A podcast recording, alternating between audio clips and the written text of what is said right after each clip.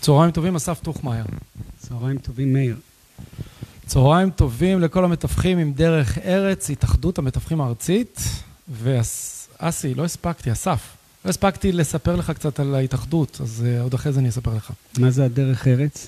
אוקיי, אז אנחנו התחלנו ארגון, שהיום הוא עמותה הגדולה בארץ, שגורמת, אני עובד הרי גם בקנדה, שדואגת שהמתווכים יקדמו את עצמם ויעבדו בצורה מסודרת עם דרך ארץ, זה בגדול. ואנחנו פיתחנו קוד אתי. אני רוצה להביא קצת מה, מהדרכי העבודה שיש בקנדה, כי זה בסופו של דבר גם יעזור לדיור, גם יעזור לצרכן, גם יוסיף לתדמית שלנו המתווכים.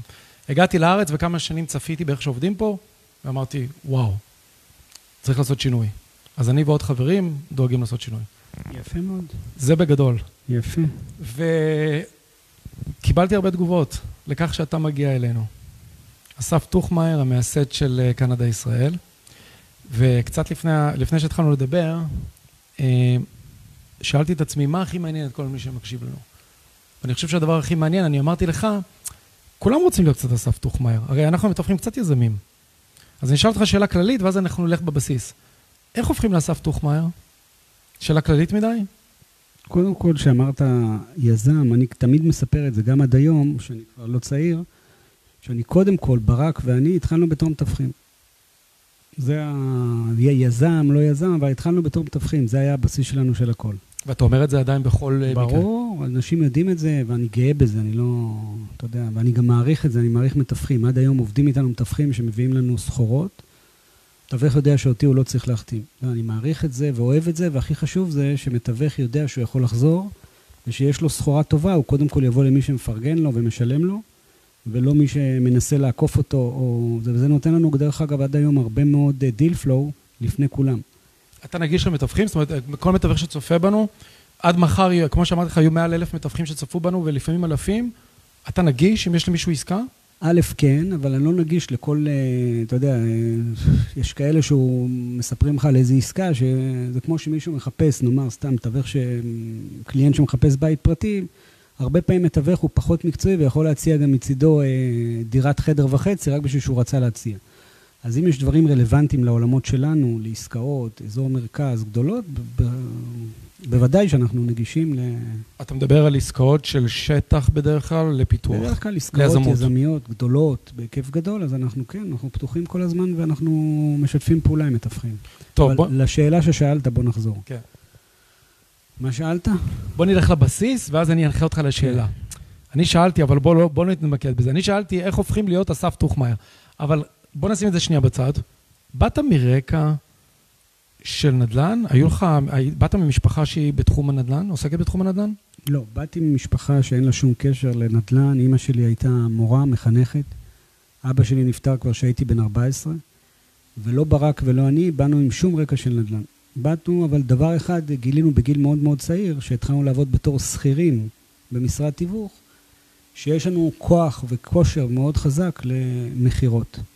כשגילינו את זה שנתיים, שלוש לפני שנהיינו מתווכים, אז חשבנו במה כדאי לעסוק.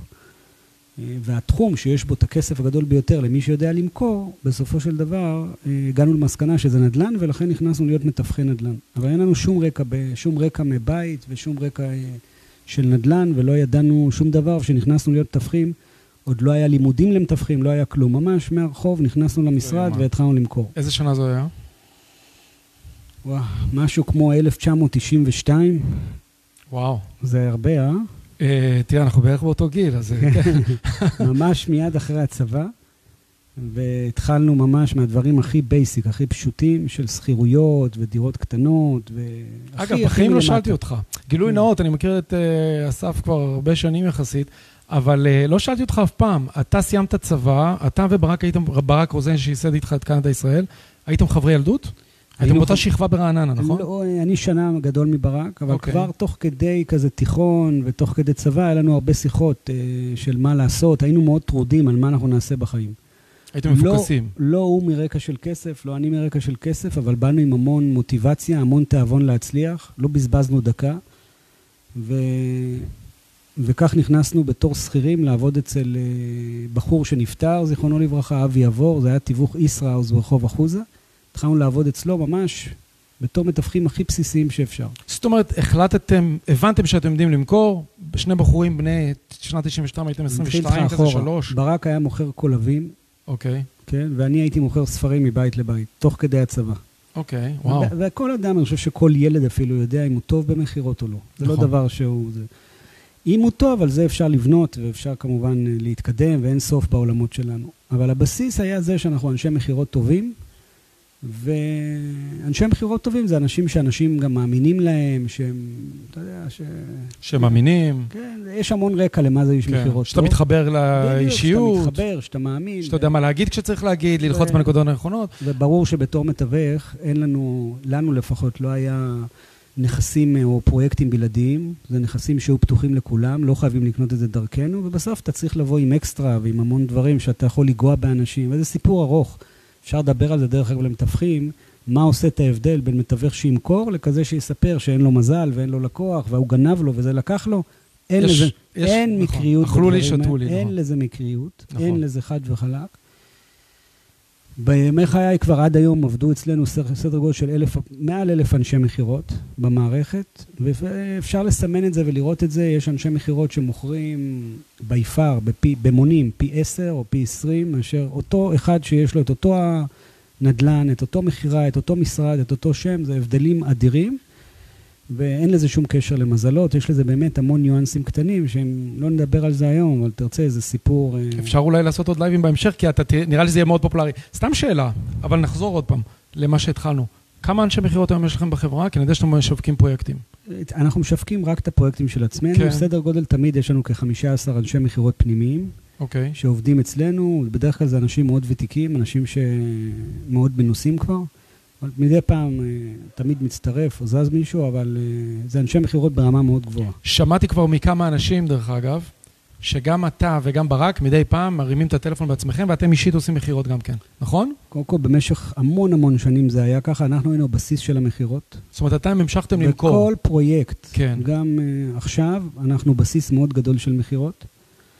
אה, אני כבר פחות, אה, קצת אה, נרגעתי עם המכירות בשנתיים, שלוש האחרונות, אבל ברק עדיין נהנה מזה ויכול למכור עד 12 בלילה ועושה תחרות עם הסוכנים. אגב, הוא אפילו פעם התקשר אליי באיזה עניין, זאת אומרת, הרגשתי מה זה איש מכירות. ברור. הוא לא ירד והמשיך והתמיד, וזה ברק עצמו, הבעלים של קנדה ישראל, אמרתי לעצמי, וואו! כן. כמה הוא, איך הוא, עושה את זה עם כן. כל התשוקה שיש. והנה, הבעלים של קנדה ישראל עושה את זה. דרך אגב, מכירות זה כיף. מכירות זה כיף, זה כמו ששחקן רוצה לשים גול, אין שום קשר לכסף. אתה רוצה עדיין להרגיש, אתה מצליח למכור לבן אדם, זה סוג של כיבוש. אה, אבל, אה, נכון. ההצל... ויש, אגב, יש לי הרבה תיאוריות לגבי כמה זה קשור לדברים שהיית עושה בילדות. אם הצלחת עם דברים מסוימים, כנראה תצליח במכירות, אבל זו שיחה נפרדת. אה, אתה חושב שההצלחה של, שלכם היום, או הכלים שקיבלתם בתור מתווכים, עוזרת להצלחה שלכם? זאת אומרת, יש איזשהו קשר בעניין הזה? בפירוש כן, אני חושב שבנדל"ן בכלל, המכירות הוא, הוא דבר המרכזי. לקנות כולם יכולים. יש uh, חברות או אנשים בעולם שיש להם גם, אין להם בעיה לקנות הרבה יותר מאיתנו. אני חושב שהדבר הכי חשוב בנדל"ן זה אם אתה יודע למכור. כי בסוף של דבר יש גם, כמו שעכשיו אנחנו רואים קורונה, או תנאים שבה, אתה יודע, העולם משתנה. ובסופו של דבר, אה, צריך לדעת, אם אתה יודע למכור ובמצבים קשים, 2008 ועכשיו, אז אתה באמת יכול כל הזמן לשחזר את עצמך ולקנות בלי סוף. במידה והמכירות תקועות, אז אה, אנחנו בבעיה, ואני גם לא יודע מה זה יקר או זול אה, בעולם הנדל"ן. אם אתה יודע למכור יותר יקר, אז זה בסדר, ואם קנית זול ולא מכרת יותר יקר, אז זה כנראה לא בסדר. אז אנחנו אף פעם לא היינו, אה, לא, לא, היינו, לא הסתמכנו על השוק, לא הסתמכנו על שוק חיצוני שימכור לנו ועל אף אחד. והכוח החזק ביותר שלנו עד היום לשאלה ששאלת, זה זה שאנחנו יודעים שאם אנחנו צריכים ואנחנו עושים את זה, אנחנו מפשילים שרוולים, יש לנו מעל 50 אלף לקוחות, ואנחנו מוכרים, אנחנו לא מסתמכים לא בשוק ולא בסיפורים. זאת אומרת, אתם גם יודעים מה לדרוש מהצוות שלכם, וגם יודעים שאתם יכולים, כשצריך, לשבת לעלות על הטלפון ולהוביל את המכירות, בתור דוגמה אישית גם, באיזשהו כן, מקום. כן, אבל uh, אצלנו קצת היום זה יותר, יותר עמוק. כשאנחנו קונים, אנחנו כבר רואים, ויש לנו אופק, ועושים סביב זה סיפור שלם, ו... ברור. ורואים כבר את ההשבחה של זה, זאת אומרת, זה לא... ברור. זה לא קנה, תמכור, אנחנו מסתכלים על זה בצורה כבר יותר, הרבה יותר אה, רחבה ועמוקה, ו... אבל כן, בסופו של יום, מכירות הוא הדבר החשוב ביותר שיש, בטח שבעולם הנדל"ן. בוא נחזור שנייה אחורה. בבקשה. אני, אני קופץ אחורה קדימה. אז אתה וברק, הוא מוכר קולבים, אתה מוכר ספרים, או שההפך, אני כבר לא זוכר. הבנתם שאתם, יש לכם כימיה אדירה, חלומות, בטח אמביציה מטורפת. שניכם הבנתם שאתם יודעים למכור, למה הולכים למכור? לדבר הכי יקר שיש. ונכנסים לישרא, לא זוכר איך קוראים למשרד. ישראוז. ישראוס, ומחליטים להיות מתווכים מהשורה, מן המניין, ונותנים לכם נכסים. א', אנחנו לא, אף פעם לא החלטנו להיות מהשורה. אתה יודע, באים לעבוד, חרוצים, אה, שורפים את העיר, עובדים בלי ברעננה. סוף. ברעננה. מהבוקר עד הלילה, לא מחפשים לסיפורים, לא מחפשים שמישהו ייתן לנו ויעזור לנו. פשוט עובדים קשה ומוכרים. איזה השראה. תוך כן. כמה זמן הבנתם, וואלה, זה הולך? מהר מאוד. בשבועות כבר אנחנו, אתה יודע, אתה מבין אם אתה יודע למכור, אתה לא יודע אה, למכור. הבנתם, די מהר הבנתם, יש לנו את זה. אנחנו, אה, התחלתם בתור להאמין. סוכנים, זו הייתה תקופה ברעננה שכל אחד, והיינו מתח... סוג של מתחרים אחד בשני, היינו מוכרים אה, 20 נכסים בחודש והשכרות, ממש מטורף. זאת כאילו אומרת, בתור שכירים. טוב. מאוד. כבר מהרגע הראשון שהתחלנו לעבוד, ואהבנו את מה שאנחנו עושים, אהבנו את הענף, אהבנו את הנדל"ן, והיופי בנדל"ן, שאתה יכול להתחיל בתור מתווך מהרצפה, כמו חייל בצבא בתור אה, רמטכ"ל, מתחיל בתור חפ"ש או בטירונות, אין סוף לאן שאפשר להתקדם, נכון. אין סוף לחלומות, אין סוף לאן שאפשר לעשות. אז כך ממש התחלנו, אבל התיווך בהחלט הוא היה הבסיס שנתן לנו את הביטחון ואת המון המון ידע, המון פסיכולוגיה. כל אחד מהמתווכים יודע כמה שעות יש לו, כמה מאות אלפי שעות יש לו מול לקוחות ושונים, וכל אחד עם הסיפור שלו, וכל אחד עם העולם שלו, וכל פעם אנחנו רואים דברים מדהימים, שמה שאנחנו חושבים זה לא מה שהלקוחות חושבים. וזה בסיס אדיר, זה בסיס לא רק של זאת תיווך. אומרת, זה בסיס השתפשפתם והבנתם לא, את רזי המקצוע. הבנתם את זה עד הסוף, לעומק. אני לא קורא לזה רזה, זה רזה החיים. קצת, היום נכון. שאני מדבר גם עם פסיכולוג או עם זה, כן. אני רואה את, אתה יודע, אנחנו רואים את עצמנו, ואלה ששומעים אותנו, מתווך שעובד מול אנשים 20-30 שנה, הוא בשבילי יכול להיות, אם הוא מבין ומקשיב, הרבה יותר מפסיכולוג שלמד 20, לא יודע כמה שנים ועשה פרופסורה. זה באמת החיים האמיתיים, נכון. זה לנגוע בבטן של האנשים, בראש, נכון. ולראות את ה... אגב, בגלל זה אני במקצוע. אוקיי. שאלת מה זה דרך ארץ? אני מאמין שהאזרח במדינת ישראל, הקונה לנדל"ן גם, הרוכש, לא מבין את חשיבות המתווך. ואנחנו רוצים לקדם את זה. הוא לא מבין את מה שהרגע אמרת. עד כמה אנחנו, זה מקצוע יוקרתי וחשוב לתחום הזה. קודם כל, כשאני התחלתי לעבוד, אז אימא שלי התביישה בי בתור מחנכת שהתחלתי בתור מתווך. זה היה ההתחלה שלי. ברעננה, ואני יודע, זו עיר כן, תחרותית. כן, כן. ועיר קטנה, היא הייתה כן. מושבה קטנה. כולם הכירו אתכם בטח. כן. ב', בוא נאמר, אני גאה בזה שבאתי מתיווך, ואני חי, ואני בת, תמיד אני אומר את זה, אני אמות גם, זה, זה, היה, זה היה ההתחלה והבסיס שלי, ואני גאה בזה, ואני אוהב את, אה, את איזה המקצוע. כיף לשמוע את זה. אבל uh, בהחלט, בוא נאמר, בכל מקצוע אנשים קונים, גם אנחנו, אני אומר אנחנו, אני חלק מזה, קונים את, ה, את השם שלנו, ואני לא מעורה ביום-יום, אבל יש מתווכים, כמו שיש אוהדי כדורגל, נכון? יש אוהדים, ואנחנו בתור בעלי קבוצה אוהבים את האוהדים. יש תמיד קומץ שיכולים לקלקל את, ה, את האווירה ולעשות, אה, ומה שבסוף רואים זה את הקומץ, את אלה שעושים לא טוב. נכון. גם בעולם התיווך, יש הרבה כאלה שבאים וחושבים שבאים לעשות איזה סיבוב, או הם חושבים שהם מתעסקים במקצוע שיש בו הרבה כסף, אז הם מחפשים לקצר את, ה, את הדרך, ושחלק מהאנשים הם טיפשים, ואולי הם יכולים לעשות, אה, אתה יודע, להתעשר וכאלה, ועושים נזק לא קטן לעולם הזה. העולם הזה של תיווך, כמו עולמות אחרים, הוא עולם של המון טראסט, וכל אחד בתוך המקצוע הזה, אם הוא... הלקוח מרגיש אותך.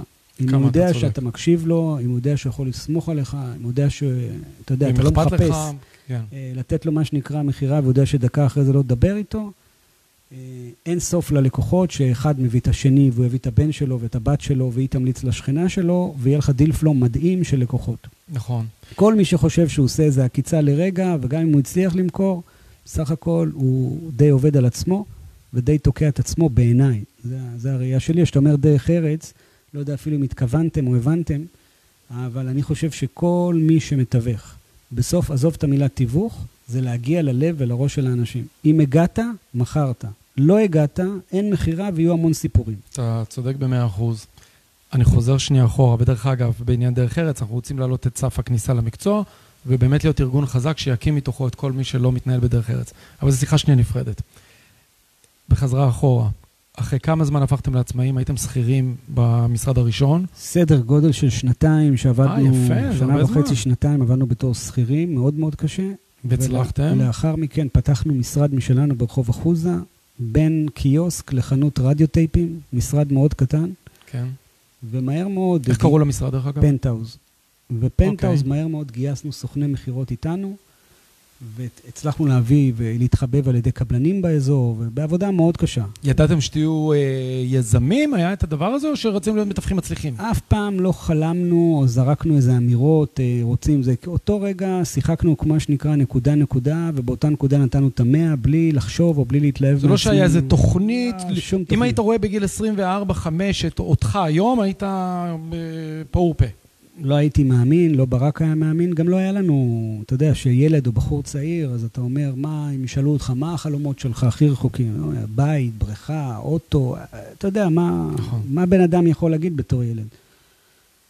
אז בהחלט היינו אנשים רגילים, אבל עם הזמן אתה מתחיל אה, לעלות עוד מדרגה ועוד מדרגה ורוצה להמשיך, ובעיקר, אה, אני חושב שהיופי הכי גדול שיש אה, עדיין במערכת שלנו ובנו, וכבר זה הרבה שנים, שאנחנו באמת לא... זה, אני, אני די מדמה את זה לספורטאי מקצועי, כן? לספורטאי מקצועי, דיברת איתי מקודם על טניס.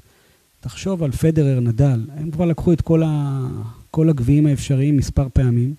הם מסודרים כלכלית כבר אה, ממזמן, כן? הכסף הוא לא פקטור שם. ועדיין אתה יכול לראות שחקן כזה בסוף משחק מפסיד, והוא בוכה. ואתה נכון. אומר, תגיד, מה הוא בוכה? יש לו הכל, מה הוא מטורף? אבל זה לא זה. זה בא ממקום שאתה רוצה לנצח, אתה רוצה להמשיך להרגיש נכון. שאתה שם, אתה רוצה להרגיש שאתה רלוונטי. גם הצלחה יחסית, מה. שנראה לך מצליח אז, בגיל אה, 20, הוא בדיוק. כבר היום זה כבר נראה לך פחות אז אולי. החלומות אה, מהר מאוד משתנים, והכסף הוא לא המשחק, ולא הבית, ולא לנסוע לחו"ל, זה ממש... אה, אבל לא היזמות שם. הראשונה, אז היית מתווך, אה, אגב, מי שלא יודע, יש פה כלב, ואני כל הזמן מפחד שהוא יעלה לנו על הכבלים פתאום. אה, אבל בינתיים הוא מתנהל יפה.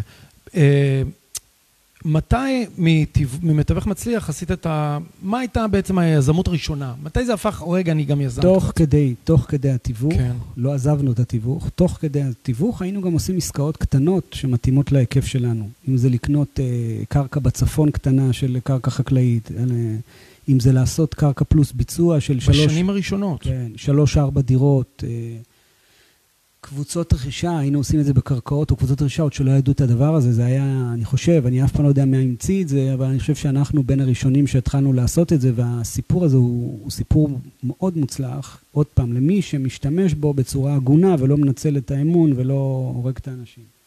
מה זה בעצם הסיפור של קבוצת רכישה? זה, זה הגיע מתוך לחץ, שאתה רוצה להיות יזם. אין לך בעצם את הממון בשביל לקנות את הקרקע ואת הכל, ויש לך את כן את הכוח גם לארגן את הקבוצה, גם לבנות את זה ולעשות את הכל מאלף עד תו. משם הגיע סיפור קבוצת הרכישה. זאת אומרת, אה, אה, אה, ראיתם הזדמנות, לא היה לכם את הכסף, ואמרת, רגע, בוא נארגן כמה חברים, כמה קשרים, כמה לקוחות, כמה לקוחות, אנשים. שום דבר של כן. חברים, אבל אתה יודע כן להביא את הקבלן, יודע לנהל, ומשם נולד סיפור קבוצות הרכישה. מזה של מצוקה, שאין לך כסף כמו יזם להביא. הפכת ליצירתי. בדיוק. בעולם שאין, או בעולם שקשה, יצירתי. דרך אגב, היצירה הזאת עד היום, עבור יזמים, היא מטורפת, כי אתה צריך להבין שבחוק מכר, יזם, מהרגע שהוא שם כסף בישראל על קרקע, הוא לא יכול לגעת בכסף עד שאין לו טופס 4 וכל הכללים הידועים. שזה הליך, מהרגע של הקנייה עד רגע המכירה, יכול להיות בין 5 ל-7 שנים, זה נכון. מטורף. בארץ מטורף. בקבוצת רכישה, אתה יכול למשוך את ההון העצמי ואת הרווח מהר מאוד, וזה נותן לך המון וולטיליות למי שלא יכול, גם למי שכן יכול. בוא, כמה גבי יזמות אפשר לעשות? עסקה משמעותית ראשונה הייתה ב...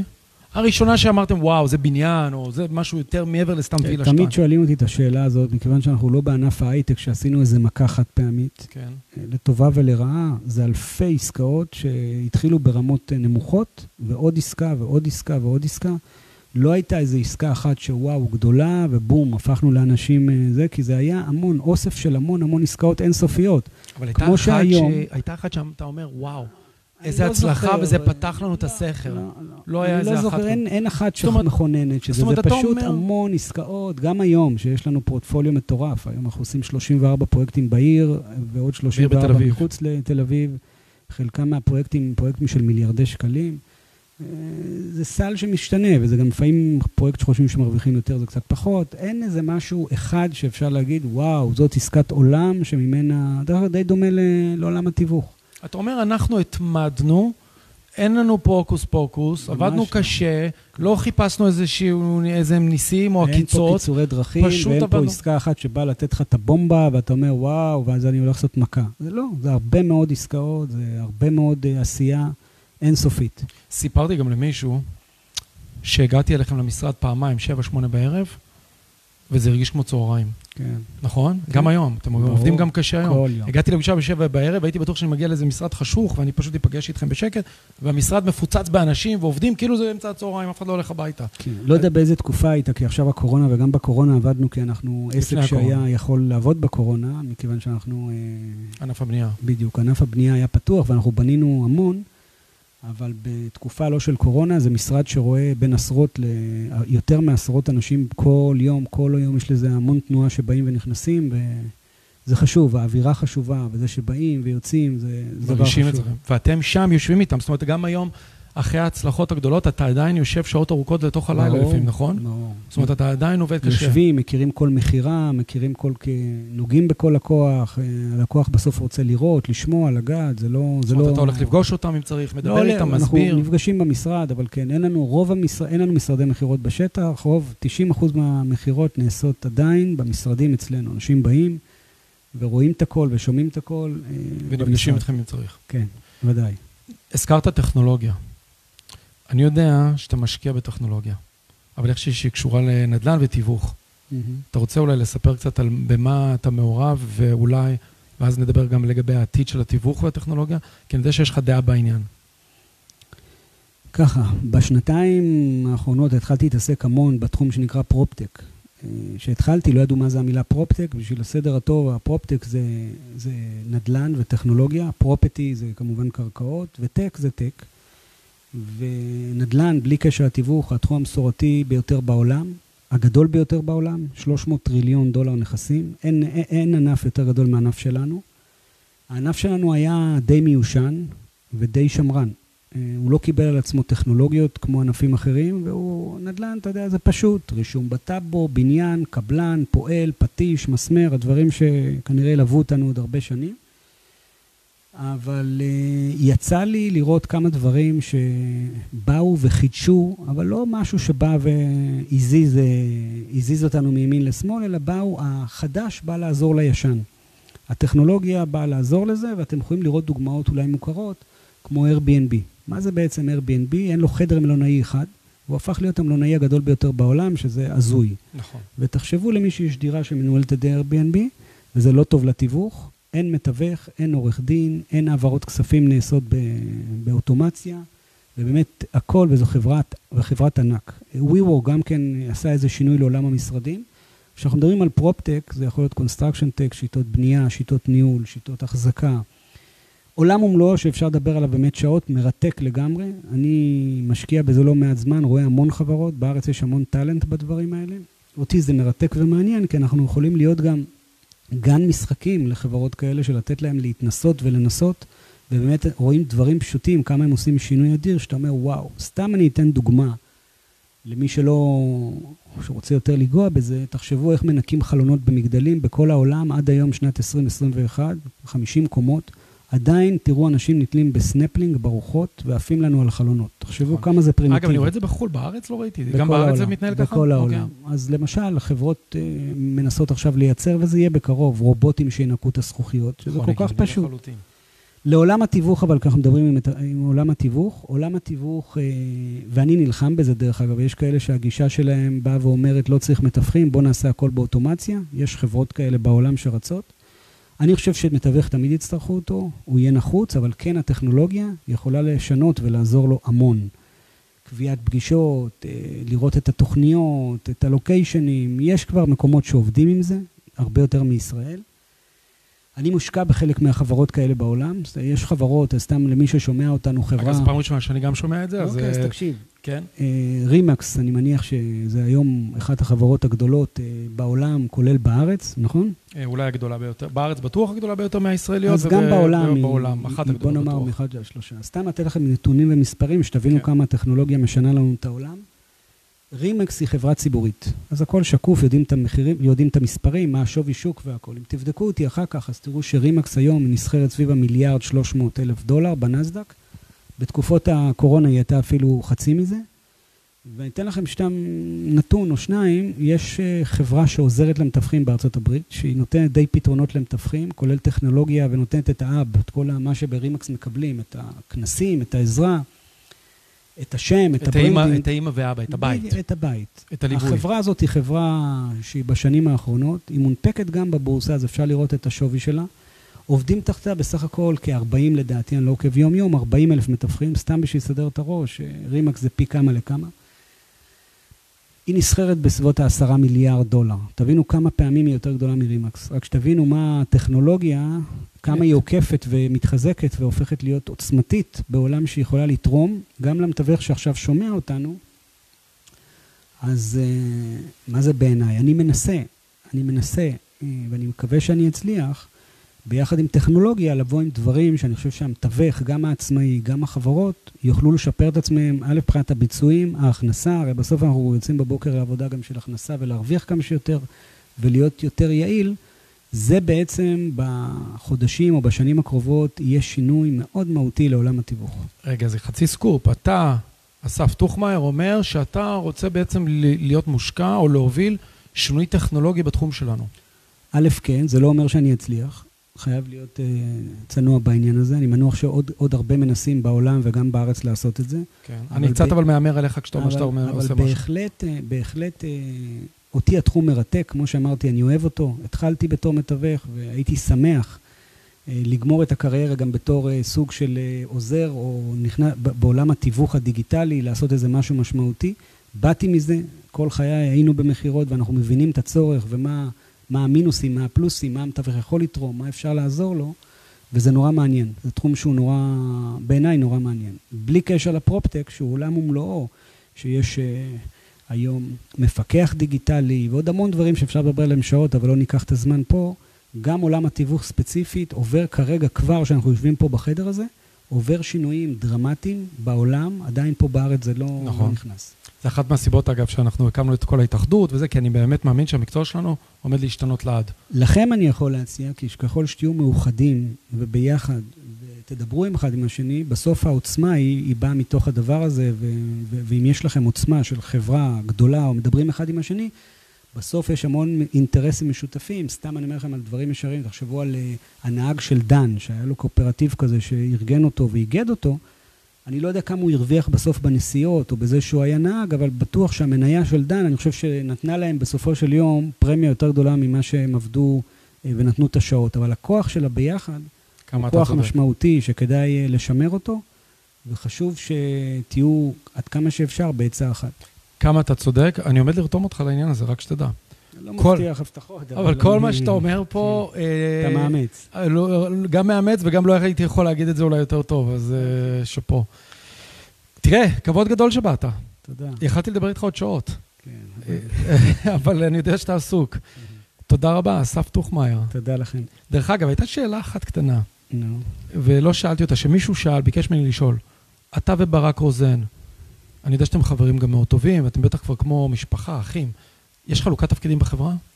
קודם כל, שותף של 30 שנה זה הרבה יותר מאחים. שזה כי- אומר הרבה עליך, דרך כן. אגב. עליכם, על, על שנינו. על שניכם. כי כל אחד ששומע או רואה, גם אחים וגם נשואים, נכון? גם שאתה אח, כמה שעות אתה רואה את האח שלך נכון. ביום. ואם תחשוב כמה שעות אנחנו מתראים ביום, זה הרבה יותר מכל המשפחה ביחד, עם. במספר מונים. מכירים אחד את השני בטח בעסקאות, מה יעבור, מה בוא לא נאמר יעבור. שהוא יושב בעסקה וסוגר אותה, כן. אני יכול להגיד מה הדברים שהוא יגיד, ואיך הוא רואה את זה, וכבר איך הוא זה, וההפך. האחד ועוד אחד שלנו מגיל מאוד צעיר היה חמש. אנחנו סומכים אחד על השני בעיניים עצומות. אנחנו לא יושבים על הרגליים אחד של השני. הוא עכשיו עושה עסקאות אחרות שאני יושב איתך פה, אין לי מושג מה. אני יכול לעשות עסקאות אחרות. בסופו של יום אנחנו מביאים ערך גדול אחד לשני, אנחנו שונים. שונים באנו מאוד. מאותו בסיס, באנו מאותו בסיס של מכירות חזקות ועבודה מאוד קשה, מוטיבציה אינסופית. אתם אישיות שונה אבל לגמרי. נכון, וזה... זה יתרון. זה יתרון, זה לא חיסרון. זהו, אז אה, אנחנו עושים המון דברים היום פרט לנדל"ן. יש לנו מספר חברות ציבוריות, חברות פרטיות, נדל"ן בארץ, נדל"ן בחו"ל, זה הפך להיות עסק מאוד גדול.